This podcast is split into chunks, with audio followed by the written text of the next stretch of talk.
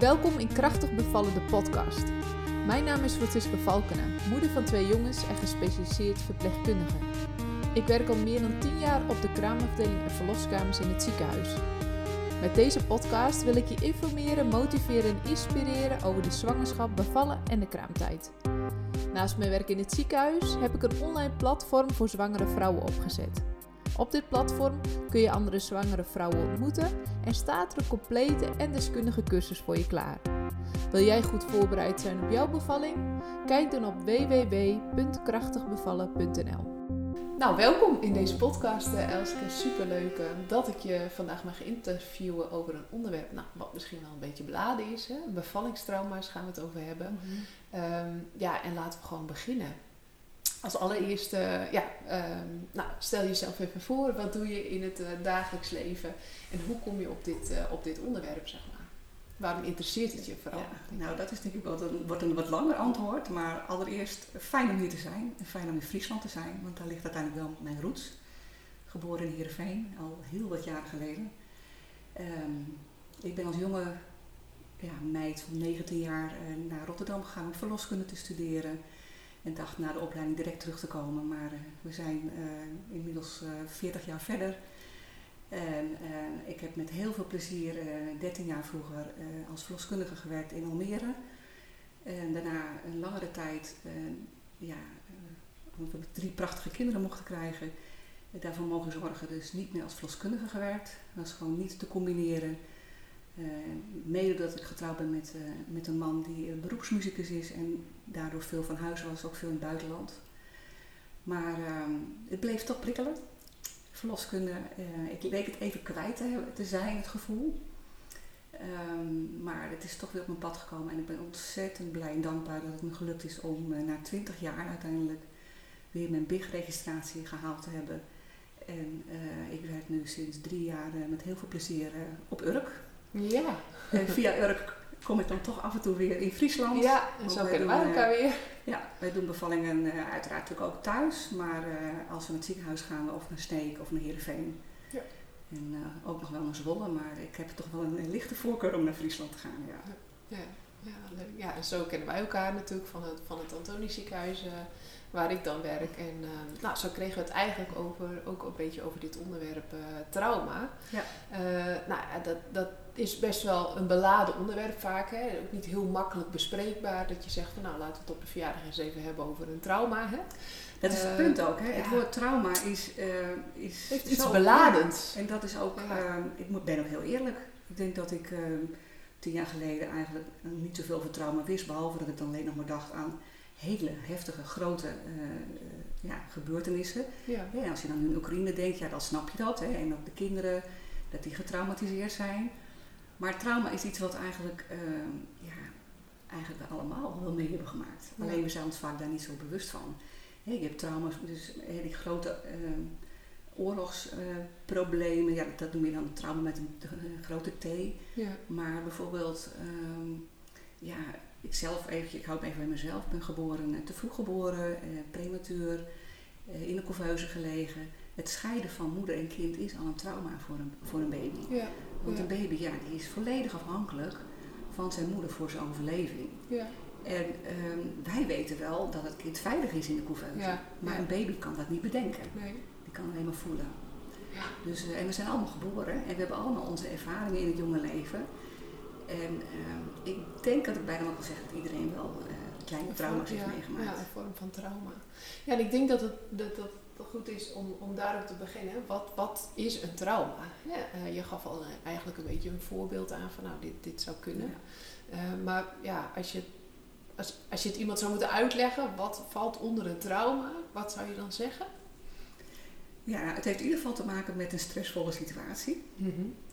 En um, maar het is dus niet zo dat alle stressvolle situaties traumatisch zijn. Nee. Maar een traumatische ervaring is wel altijd stress, stressvol. Mm -hmm.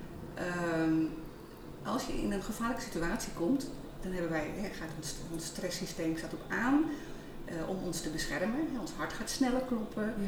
Uh, waardoor we kunnen uh, meer kracht, meer bloed krijgen, meer zuurstof om te kunnen vechten of te vluchten. Um, maar als er nou een situatie is waarbij dat niet kan, En die stresssituatie blijft maar doorgaan en doorgaan en doorgaan. En dan kom je op een gegeven moment bij een, een keerpunt. En gelukkig hebben we dat. Dat noem ik dan met ja, een trauma een noodmechanisme. Uh, dan gaat ons lichaam ons beschermen. En dan gaan die heftige uh, stressreacties, die gevoelens, gaan naar ons onderbewustzijn. En dat is, is nodig, letterlijk om te overleven. Want als dat maar door en door zou gaan, en, en die hartslag gaat maar verder omhoog, ja, dan zouden we eigenlijk in feite kunnen overlijden aan een, aan een hartstilstand. Ja, ja. Dus eigenlijk is trauma in eerste instantie levensreddend. Ja. Alleen wat er vaak gebeurt, um, is dat um, op het moment dat je weer dan in een veilige situatie komt, dan komen die gevoelens weer naar boven. Want die, die wil, het is eigenlijk een soort energie wat naar binnen gaat en dat moet eruit. Maar als we dat dus niet doen en we dekken het toe, en met name als dat heel veel is gebeurd, um, ja, dan, dan, ja, dan blijven we het onderdrukken. En dat, dat geeft allerlei klachten. Ja.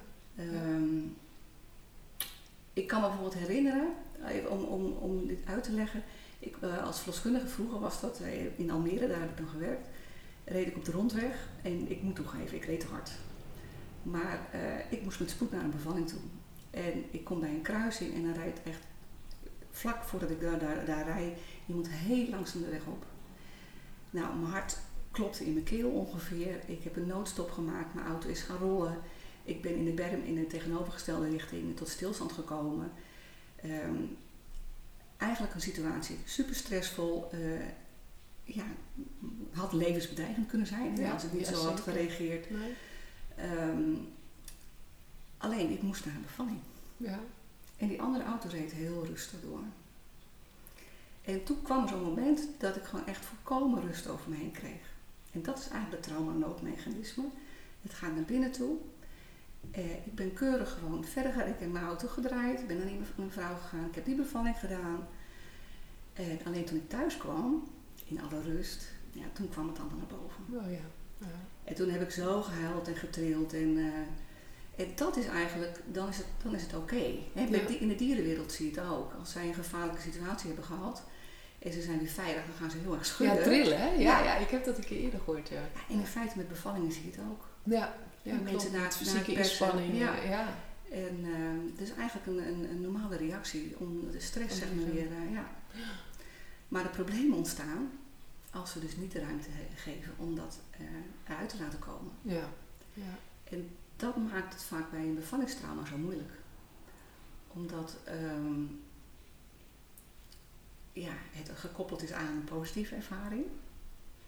En vaak mensen dan niet snappen. Nee.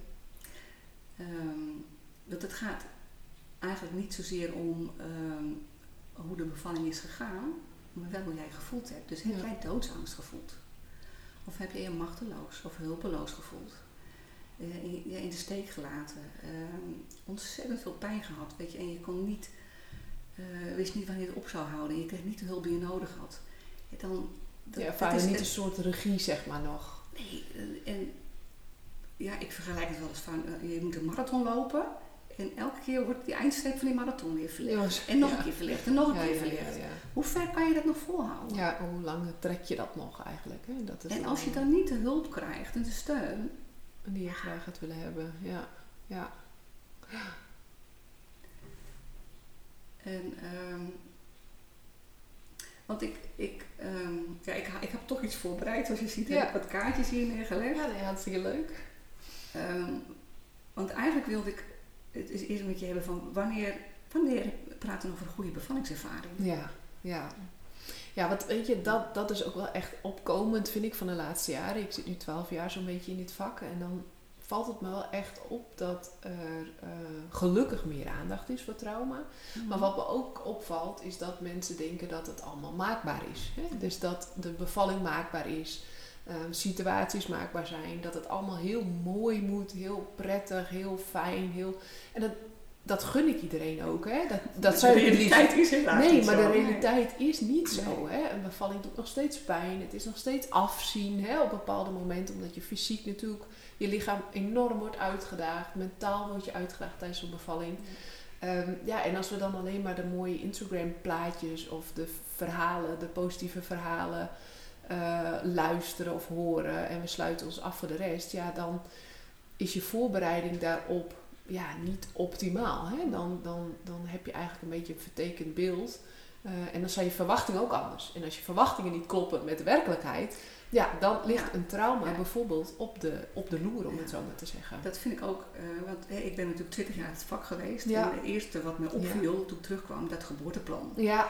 En ik dacht in het wat een onzin. Ja. Ondertussen kijk ik er wel anders naar hoor. Ik ook hoor. Want ik vind het wel, het helpt echt wel goed om, om erover na te denken. en, uh, zeker. Uh, wat heb je eventueel nodig, maar het is ook wel belangrijk hoe je een geboorteplan in ieder geval uh, schrijft. Absoluut, 100%. wat jij zegt van, ehm, we, we, kunnen een, het is niet een plan van we zullen zo willen dat het gaat. En als het inderdaad anders gaat, ja, dan kan het juist een trauma opleveren. opleveren ja. klopt. Um, maar um, en wat ik ook ervaar is, want we denken vaak dat uh, een trauma, bij een bevallingstrauma denken we meestal aan hele heftige gebeurtenissen. Ja. Weet je, toch een spoedkeizersnede. Ja, een kindje wat uh, niet goed doet. Ja.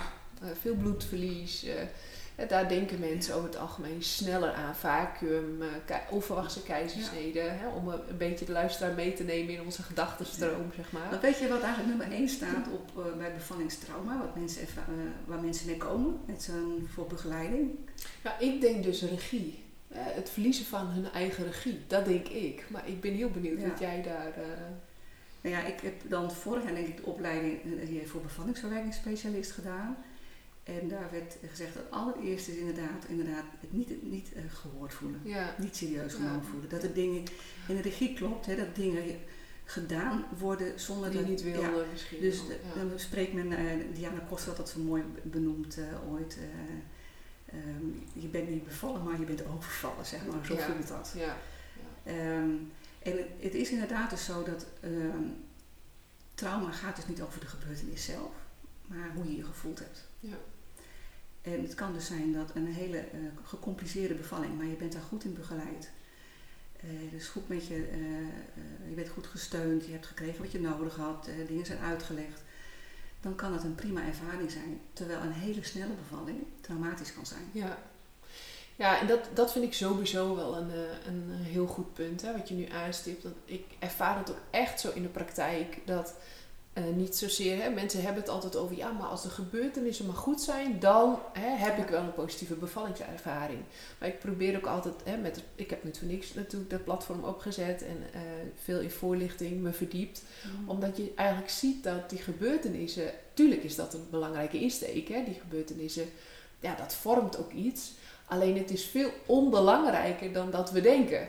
Hè, want een, een, een onverwachte vacuüm-extractie, om het zo maar te zeggen, uh, kan prima verlopen zijn ja. zonder trauma. Uh, uh, terwijl dat een ander moment, een normale bevalling die fysiologisch thuis ervaren wordt, eh, traumatisch kan zijn. Hè? Dus die omstandigheden, natuurlijk doen die ertoe. En als die zich opstapelen ehm, ja, eh, en meer interventies ja. zijn, dan heb je natuurlijk een verhoogde kans, om het zo maar te zeggen.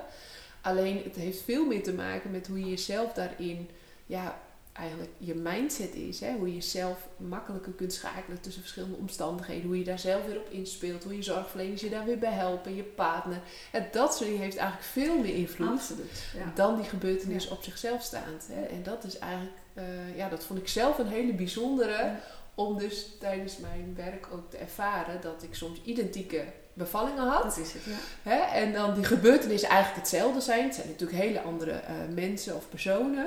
Uh, maar dat de ene een trauma heeft en de ander niks aan de hand is. Dat je denkt, hoe kan dat? En dat heeft natuurlijk te maken met je mindset, hoe je ermee omgaat, hoe je het ziet, hoe je het ervaart. En ja, dat het kan zelfs zijn dat bij een bevalling dat die mevrouw het helemaal prima ervaren heeft ja. en de man is traumatiseren. Ja. Of ja. zelfs de verloskundige. Ja. Ik kan mij nog herinneren, dat praat ik over heel veel jaar geleden. En ik weet het jaartal nog, want dat was 1990. Um, dat was een kindje namelijk, die was 11 pond bij de geboorte. Het was thuis een hele snelle bevalling. En uh, dus ik had daardoor geen kraamhulp. Ik had nee. gelukkig wel een, een, hele stoere man, die wel ook verpleegkundige was. Um, nou ja, 11 pond. Uh, ja, ik kan misschien wel een beetje ja, schatten wat de complicatie uh, zijn ja, geworden. Ja. het hoofd werd geboren en um, ja, het zat gewoon muurvast. En sterker nog, ik voelde na, na een omstrengeling en kennelijk had ik ook spanning in mijn lijf en heb ik mijn eigen spierspanning niet goed gevoeld. Dus ik wilde hem afhalen en voordat ik het in de gaten had, schudde de navelstreng door. Oh, Toen heb ik zo'n intense angst gevoeld. Ja. Dat ik dacht, als ik het kind er niet uit krijg, uh, omdat het vast blijft zitten, ja, bloedt het misschien wel dood omdat nu die navelstreng uh, doorgescheurd is. Ja. Um, uiteindelijk, uh, nou ja, ken ik gelukkig wel mijn handgrepen hè, voor bij een schouderdystocie. En ik heb, in dit geval heb ik die mevrouw op haar, zij gelegd, had ik meer ruimte. En is het kindje toch goed geboren. En meteen afgenaveld en deed het eigenlijk heel erg goed. Maar wat de clue van het verhaal eigenlijk is dat ik zo'n angst heb gekend. En die man heeft het natuurlijk ook gezien, die zat ook in het vak. Wij deden zoals de koppers zo tegen elkaar van... Oh, Gelukkig, dit is goed gegaan. En de vrouw, weet je wat ze als eerste zei? Dit was de allermooiste bevalling van alle drie kinderen. Oh ja. ja, dit is een prachtig voorbeeld hoe dat soms... Ja, dat hebben wij ook wel eens in het ziekenhuis. Hè, dat we voorzien soms dat er interventies gaan gebeuren. Hè, omdat je eigenlijk zoveel hebt gezien in, in, ja, in de tijd dat je werkt, zeg maar. Dan uh, heb je wel eens een stagiaire bij je. Uh, die ziet dat nog niet, zeg maar. En dan gebeurt het uiteindelijk niet. En dan hebben wij de zweetdruppels bij wijze van spreken op ons hoofd staan en denken... dit is weer goed gegaan. Hè? Dit, dit, nou, wij hebben allemaal weer een engeltje gehad, om het zo maar te zeggen. Uh, en dat die stagiaire en daarna staat dus zegt, nou, dit was echt een prachtige bevalling. Dit was echt, uh, wauw, één uit het boekje. Terwijl wij denken, ja, nou... uh, ja, mensen ook. Hè? En, en dat is natuurlijk ook wat goed is. Dat zij niet voelen wat wij soms aan stress ervaren. Ja. door onze ervaringen eerder. Um, maar ja, soms is het ook wel eens moeilijk om dat goed te kunnen maskeren. En soms wil je het ook niet maskeren om ze erin mee te nemen. Maar je zegt wel iets heel moois, want het is natuurlijk zo'n feit. He, wij maken ook gewoon uh, hele, uh, nou ja, voor ons ook traumatische bevallingen mee. Ja, zeker. En als wij dan weer uh, iets zien bij een nieuwe cliënt, dan kan er bij ons ook iets getriggerd worden. Ja. Of misschien heb je zelf als hulpverlener wel een hele traumatische bevalling gehad of andere ervaringen. Ja, die je meeneemt. Het is goed dat we daar bewust van zijn. Ja. Want eigenlijk, um, als wij zelf al geen vertrouwen hebben of angst hebben, wat betekent dat voor de barende? Ja. Ja. Ik heb nog kort voordat ik terugkwam als verloskundige als doula gewerkt. En um, als doula begeleide ik zwangeren, uh, dus eigenlijk sociaal-emotioneel. Ik bereidde ze voor, eh, één op één, ja. op de bevalling. Maar ik deed ook uh, massage thuis en maakte ook gebruik van uh, zo'n diffusie met wat lavendelolie. Ja. En de lavendelolie nam ik ook mee naar de verloskamer. Um, en ik kan me nog herinneren, er was een, een bevalling in Almere, dat die mensen die dan de koffie rondbrengen, die zeggen, doe je dat toch in die verloskamer 5? Oh, Het lijkt wel een yoga-sessie of oh, echt? Oh, geweldig. Maar het mooie was wel, uh, ik weet niet hoe het bij jullie is, hoe druk het is. Maar ik zie vaak verloskundigen inderdaad, hup, van de ene verloskamer naar de andere. En stel dat je net een hele moeilijke bevalling hebt gehad en je gaat meteen naar de andere bevalling. Ja. Je neemt dat toch een beetje mee, die energie. Absoluut. En met die lavendelolie, of je dat wil of niet. Beetje rust. Ja. En inderdaad, want als ik dan kijk van wat zijn nou de beste ingrediënten voor, en dan kom ik dan gelukkig toch op het onderwerp, wanneer is iets een positieve ervaring. als je je uh, veilig voelt, als je je ontspannen voelt, vertrouwen hebt in het, in het, uh, in het gebeuren. En we, we, werken natuurlijk wel in een, in een tijd nu dat we heel erg focussen op uh, de risico's, van wat er mis kan gaan.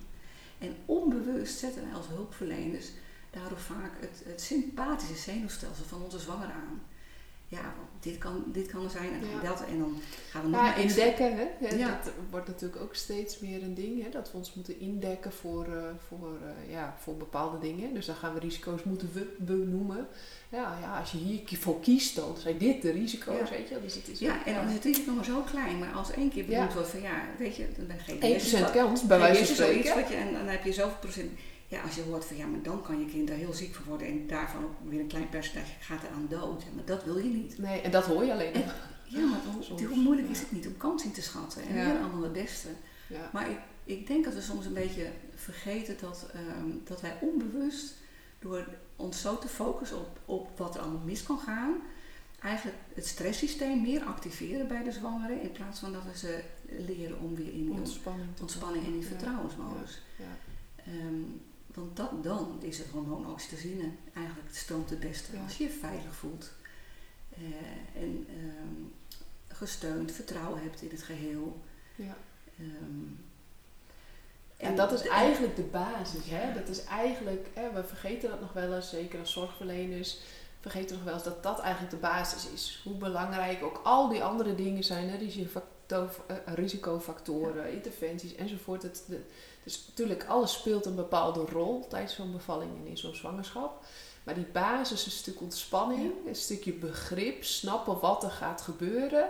Ja, dat is natuurlijk ook waarom ik het platform destijds heb opgezet. Ja, nee, absoluut. Om weer terug te gaan naar die basis. Want als die zwangere zichzelf verzekerd voelt, vindt dat zij krachtig staat in haar eigen lijf, in, in, in de dingen die ze doet en die keuzes die ze heeft gemaakt. Ja, dat sterkt haar misschien wel, nou, ik zeg nu maar wat zij heeft, maar bij wijze van spreken voor 80% in haar bevalling. Ehm, en die andere 20%, ja, daar heeft, hebben dan omstandigheden of mensen of wat dan ook mm. invloed op. Maar als je die 80% al goed hebt, ja, dan maakt die 20% minder impact dan dat je het andersom zou hebben, bij wijze van spreken. Om even een, een voorbeeld te geven. Ik denk dat er heel veel winst te behalen valt inderdaad in de voorbereiding. Ja, voorlichting is echt een heel groot, uh, groot item daarin. Ja, absoluut. Ja. En, ehm, want wat mij, ik ben er dus 20 jaar uit het vak geweest en wat mij gewoon opviel, ehm, we weten meer en we kunnen meer. Absoluut, ja. Maar we hebben eigenlijk minder gezonde, normale, spontane bevallingen. Ja. We hebben veel meer interventies.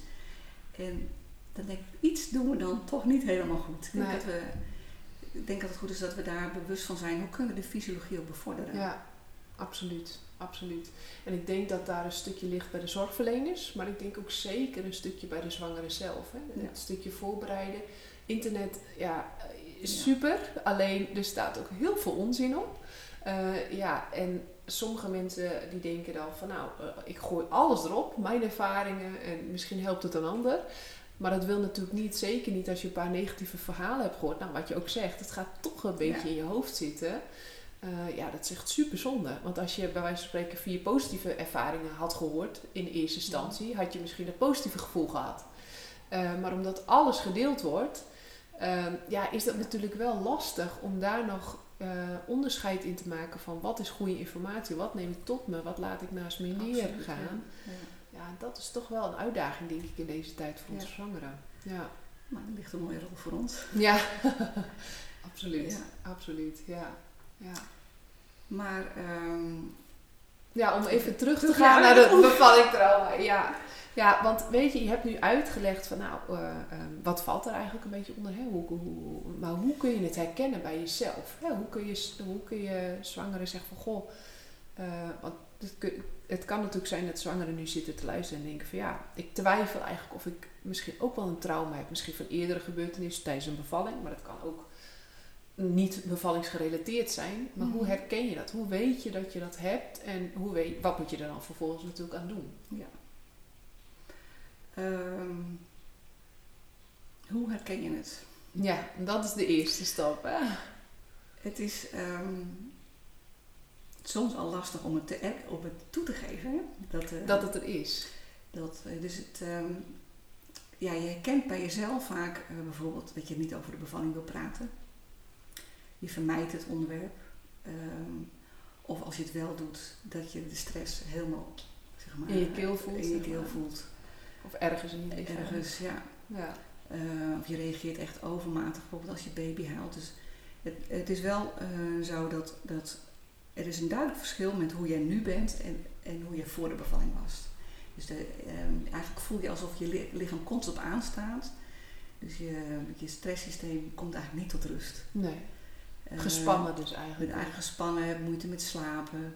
Ehm, ja, als we het zelfs dan over eh, nogmaals, als een bevalling kan traumatisch zijn geweest, maar kan nog steeds wel gezond verwerkt worden. En als ik dan even terugdenk aan zeg maar, mijn hele simpele voorbeeldje van met mijn auto. Ja, ja, ja. Als, je, als jij in je kraamtijd, in de periode, periode daarna, uh, een, een, omgeving hebt waarin uh, je de emoties kan uiten, je verhaal kan doen, uh, je daar ook begrip voor hebt. Want het maakt wel wat uit hè, dat als er ook mensen echt zijn die naar je luisteren. Of inderdaad het is toch goed gegaan, joh? Ja, Waar maak je je nog druk op? Ja, inderdaad, ja, bagatelliseren. Ja. ja, dan slaat het weer naar binnen, want dan wordt het weer niet erkend. Nee. Um, en als je dus wel een goede omgeving hebt, dan kan dat uiteindelijk um, gezond verwerkt worden. Ja, uh, je kunt het niet zien, maar ik heb allemaal kaartjes die liggen. Um, dat heb ik even voor mezelf gebruikt ter voorbereiding.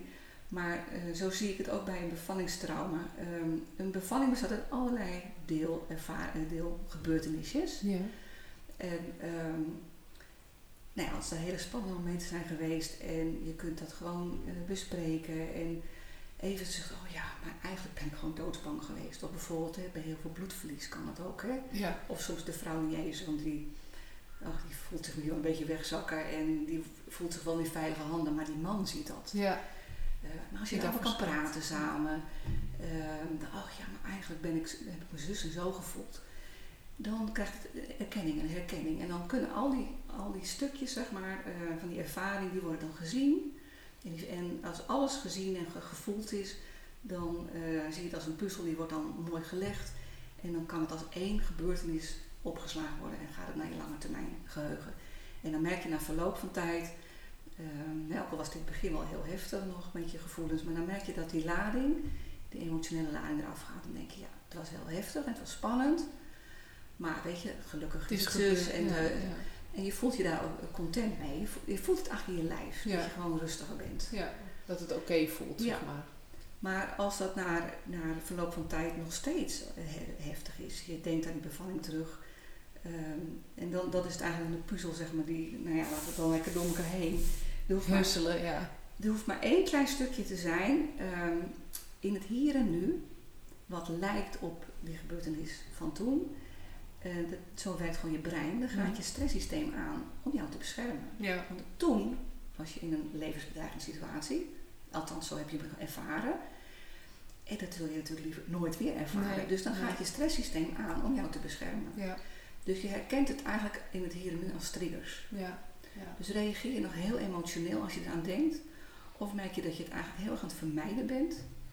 Ehm, nou ja, en erger nog, denk ik, als je naar nachtmerries, dan is het gewoon duidelijk als je er nachtmerries over hebt en eh, niet kan slapen en ehm, ja, niet meer kan functioneren eigenlijk als tevoren. Ja, dan kun je eigenlijk wel eh, zeker weten dat je een bevallingstrauma eh, hebt opgelopen. Ehm, als het, en, en, gelukkig in de meeste ervaringen eh, worden wel goed verwerkt. Mhm. Maar als je er wel PTSS aan overhoudt, ehm, dus met die, eh, die, die eh, flashbacks, die, die, na, die nare herinneringen, als het blijft, dan heb je wel eerder hulp nodig. Dat gaat niet vanzelf over. Nee. Nee, en kun je, kun je PTSS nog een beetje uitleggen voor de luisteraar? Wat, wat houdt dat precies in? Ja, PTSS staat voor eh, posttraumatisch stresssyndroom. Dat kennen we voornamelijk vaak misschien uit de oorlogsveteranen.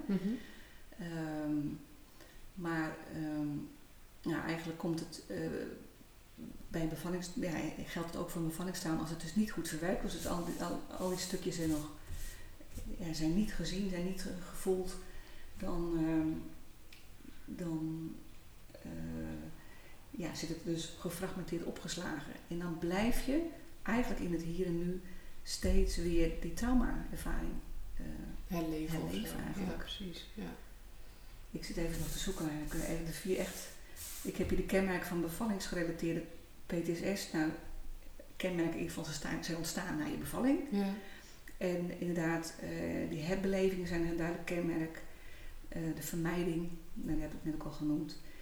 En ehm, eh, ja, ik denk het verschil met de gewone stress, wat, eh, eh, of acute stresssyndroom, wat wel, wel spontaan overgaat in PTSS, is dat als de symptomen langer dan vier weken bestaan, dan praat je, kun je praten over PTSS. Oké.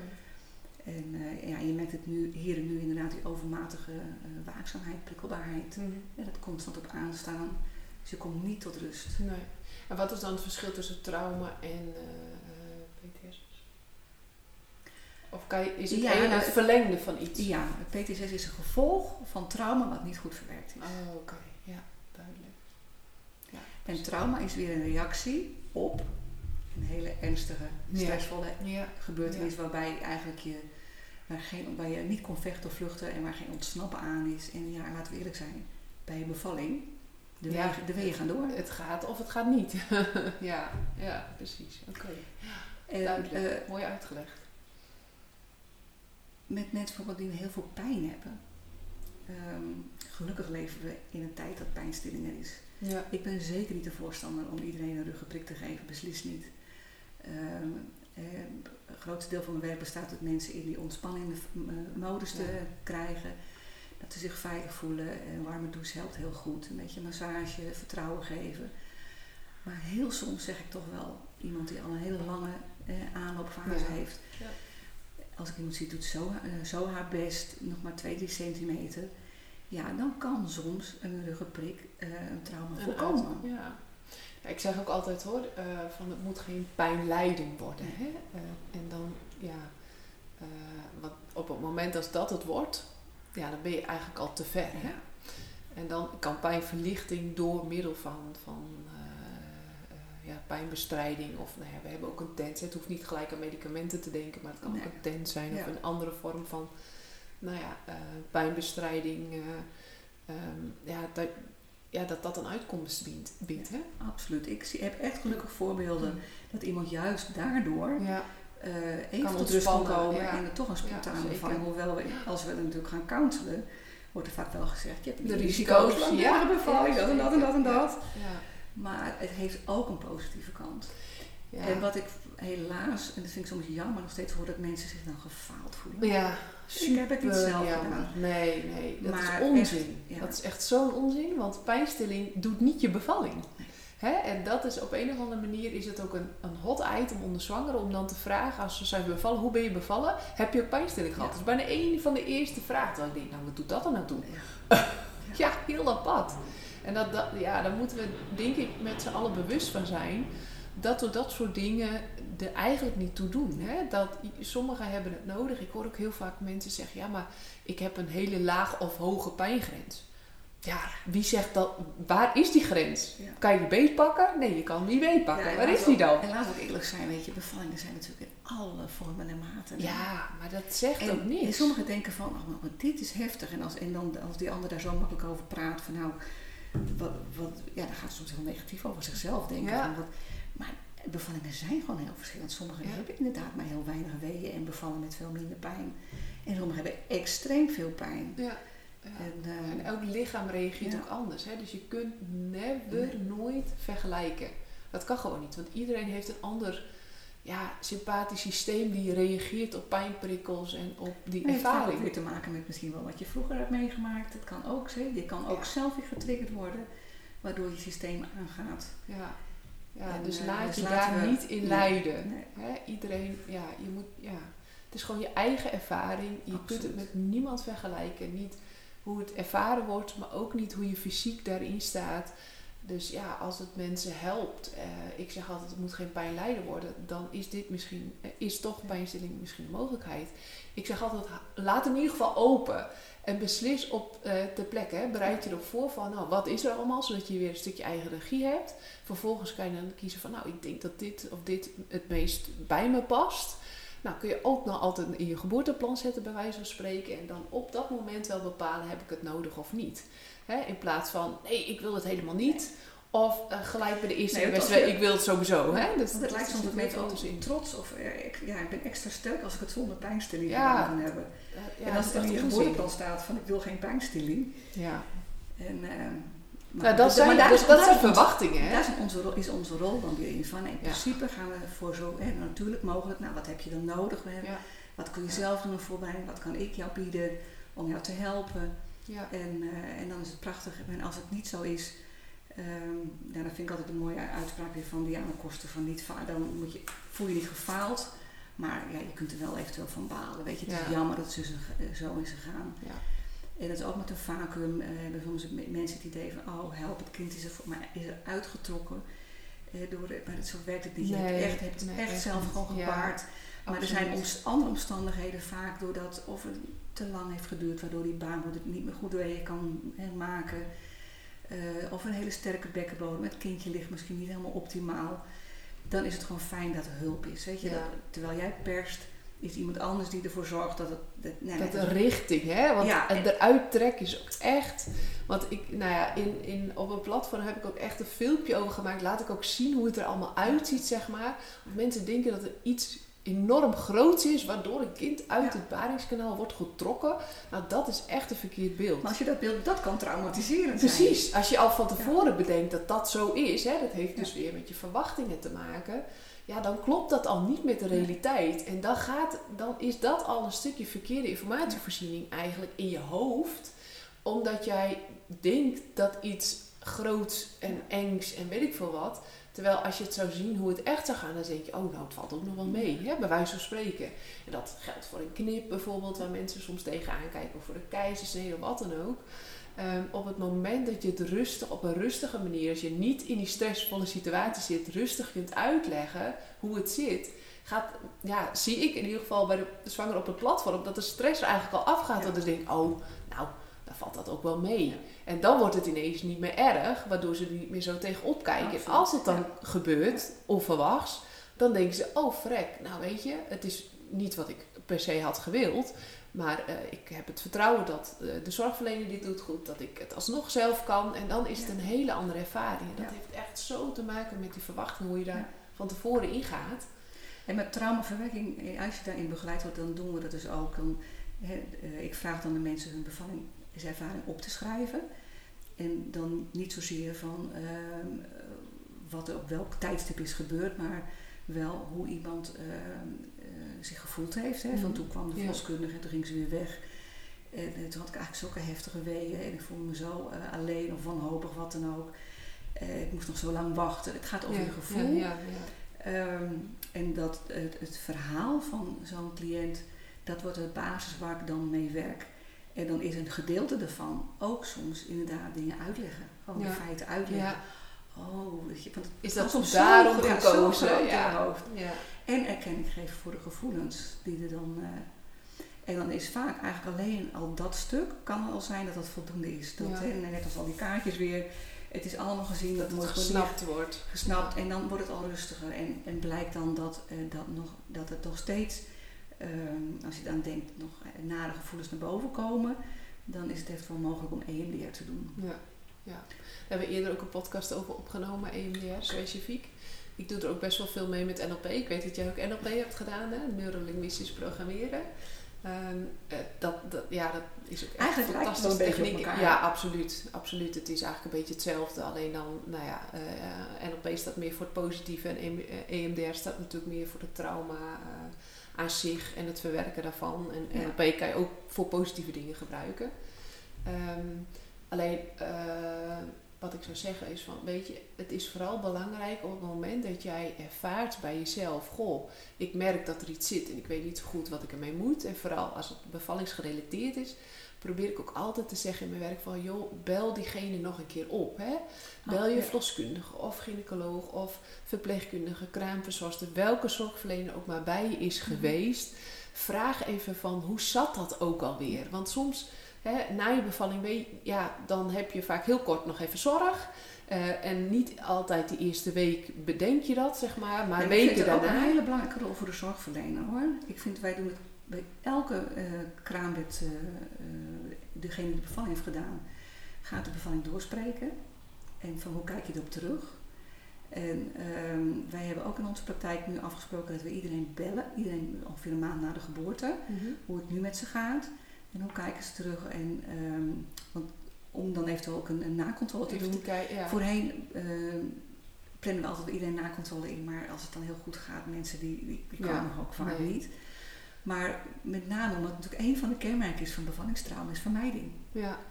Dus Ja, als, klopt. En als we het aan Dat hen overlaten, bel zelf als je en dan komen ze niet. Nee, dat klopt. Alleen som, som, wat ik soms wel merk is, wij, wij doen dat natuurlijk in het ziekenhuis ook, hè, vervolgen we mensen nog. Alleen soms komt het pas na een paar maanden, zeg maar, of na een half jaar. En dan denken mensen, ja, het is zo lang geleden, ik bel maar niet meer. Maar wij hebben vaak die gegevens nog en kunnen dan in ieder geval uitleggen Ja. wat jij zo mooi zei. Hè, dan kijken ze uh, ergens tegenop en zeggen, ja, maar waarom is die keuze daartoe gemaakt? Ja, ja. Daar kun je in ieder geval uitleg over hebben. Ook al ben je er misschien niet bij geweest. Je kunt dan wel uitleg geven over een bepaalde situatie. Soms verheldering geven. En dat kan soms wel helpen. Hè? Dan hoef je het niet eens misschien zo specifiek te hebben over het trauma Ja. zelf. Maar meer over verduidelijking van Ja. informatie waar een bepaalde keuze gemaakt. En ik denk dat dat misschien nog wel stap 1 is. Waar mensen misschien, hè, luisteraars aan kunnen denken. Op het moment dat ze twijfelen. Goh, ik weet niet precies hoe dat meer zat. Het is al een tijd geleden. Nou, alles wordt tegenwoordig opgeslagen. Um, dus ja, vraag erna hè, als je het wil weten. En natuurlijk, wat je zegt, als je echt een heel uh, trauma hebt en je weet het niet precies, ja, dan vermijd je het misschien. En dan hoop je dat de zorgverlener daarop terugkomt. Maar je mag altijd, um, ja, en, en van mijn part stuur mij dan een berichtje, dan kan ik je misschien Ja. verder helpen of jou of wat dan ook. Dat, maar maak het bespreekbaar. Dat is toch wel een, eh, een belangrijke. En ik weet zeker, je hebt vast nog meer tips. Ja, nee, ik, ik spiek gewoon even, ik ben heel eerlijk, ik spiek eventjes. Ik heb even, want ik heb, ehm, ik kan het trouwens ook naar jou toesturen. Eh, tips voor eh, bevallingsverwerking, dat mensen daar ook even kunnen lezen. Ehm, en er is ook een prachtige site van de Stichting Bevallingstrauma waar je veel over kunt lezen. Oké, super. Ehm, Ja, dan, zet Oh ik ja. dan, dan kan ik het wel even. ehm, want daar denk ik gelijk even na, want de luisteraars zijn natuurlijk aan het, eh, aan, eh, eh, nu aan het luisteren. Dit wordt ook altijd opgenomen op camera, dus dan kan je terugkijken op YouTube. En dan zet ik even onder de YouTube-reactie even die, eh, die tips Die tips, ja. Ja, En dus dan, dan gelukkig ik een kan klein plaatje eh, hier. vinden. er is een geweldig boek geschreven door Diane Koster. Mhm. Dat heet Perfecte bevallingen bestaan niet. Nou, dat lijkt me een Die- hele mooie tip. ja, die kan ik iedereen die eh, een nare bevallingservaring heeft gehad, of ook eventueel in de periode daarna, hè, met, met eh, misschien een couveuse kindje gehad. Dus alles met je rondom zwangerschap, bevalling en eh, de eerste periode. Eh, het, het boek zal heel veel ehm, herkenning geven. Oké. En daar begint, uiteindelijk begint traumaverwerking Ja. met het eh, herkennen en het erkennen. Ja, Ehm, verder ehm, waren mijn tips, deel je gevoelens met iemand die echt kan luisteren. En trek je niet zoveel aan wat anderen ervan zeggen. Want juist door de onbegrip van de omgeving, dan kan het zijn dat je juist weer heel erg eenzaam gaat voelen ehm, met de gevoelens. Nee, is- wat jij hebt gevoeld is jouw ervaring. ja, ja. En eh, neem dat serieus. En het kan heel erg helpen om je bevallingservaring eens op te schrijven. Mhm. Eh, want dat schept gewoon orde in je gedachten, in je gevoelens. En eh, Mooi nou blijf je zeg maar nog eh er lang vast, eh, last van houden, dan, eh, nou ja, dan kun je dat hu- hulp zoeken. En ehm, weet dat het verwerken gewoon eh, ja, tijd en energie kost. Maar het is niet zo zoals we vroeger zeiden, tijd hield alle wonden. Als je PTSS hebt opgelopen, gaat dat niet vanzelf over. Dus als jij merkt, na langere tijd nog steeds, ik denk Er eraan, of ik ben aan het vermijden. ehm, ja, of het, soms komt het pas bij de volgende zwangerschap naar boven. Want dan kan je het heel lang vermijden. Ja. Maar op een gegeven moment moet je bevallen. En de angst gaat zo omhoog. Doe er Praten iets over. mee, praten ja. over. Want eh, uiteindelijk weet je... ehm, het, he- ja, de trauma's moeten we niet meer bestrijden met, met nu weer nieuwe ja, strategieën of met pijnbestrijding. En met pijnbestrijding kun je de pijn bestrijden, maar niet je gevoelens, zeg Nee, maar. nee, nee. Ehm, je moet ze bevrijden. En als het eruit komt, dan zul je merken, dan word je rustig in je lijf. Dan kun je ook aangeven, wat heb ik straks nodig bij de volgende bevalling. Met je hulpverlener een, een goed plan maken. En dan kan hopelijk de volgende eh, bevalling gewoon echt een hele goede, eh, positieve ervaring worden. Ja. Ehm, en inderdaad, wat ik als tip ook had, van ja, ga inderdaad op nakontrole en bespreek je klachten. En ehm, dan eventueel kan, kan je doorverwezen worden. En ik heb voor de, ook een paar tips voor de zorgverlener. ja, heel goed. Heel goed. Van ehm, ja, laat de cliënt haar verhaal doen en ga niet direct in de verdediging. Nee. Want is het is, het is wel heel. Heel natuurlijk Ja, want je voelt je Ja. schuldig. Oh jee, wat heb ik niet goed gedaan of niet goed gezegd. Ehm, geef eerst ruimte voor haar en erken je gevoelens. En nou, waar we het net al over hadden, geef uitleg over hè, je beleid en interventies. Het kan al heel verhelderend zijn. Ja. En ook vraag eventueel wat had ze nodig gehad Ja. en niet, niet heeft gekregen van ons. En neem dat dan mee als feedback. Ja. En als het nodig is, als, je merkt van ja, daar heb ik in tekort geschoten, bied dan ook je excuses aan. Ja. En ga het niet vergoeilijken. Nee. maar erken het. En eh, overweeg eventueel dus aan te bieden voor eh, nou ja, eerst of zelf extra gesprekken of inderdaad door te verwijzen naar een eh, huisarts, praktijkondersteuner, psycholoog of een uh, bevallingswerkerspecialist. Ja. En, eh, en ook vind ik bij de volgende zwangerschap, ehm, wat ik merk bij ons vaak gebeurt, oh, de cliënt is al bekend, het staat allemaal vast in de kaart. Nee, ga ook in de zwangerschap weer vragen, hoe kijk je nu terug op je vorige bevalling? ja. ja, het kan zo anders weer aanvoelen dan. Ja. hè? Ja. Ja. Ja, mooi. Mooie tips. Super bedankt voor dit gesprek. Echt, eh, ik hoop dat eh, de luisteraars eh, hier wat aan hebben. En als zij klachten, bepaalde klachten herkennen of wat dan ook, dat, ja, dat we ze hier weer een stukje mee hebben geholpen. Ehm, mocht je vragen hebben, laat dat in, in commentaar weten. Dan kunnen wij er altijd op reageren. Ja, Dat dus is ik misschien ben leuk. erg benieuwd of het er wel een beetje helder is overgekomen. Ehm, maar graag kan ik daar dan op reageren. Ja, En, super. Heel erg bedankt voor dit gesprek. Nou, dankjewel en graag gedaan. Deze podcast dient als inspiratie en voorbereiding op jouw zwangerschap en bevalling. De informatie die gegeven wordt kan handig zijn voor jou, maar het kan niet worden gezien als een medisch advies.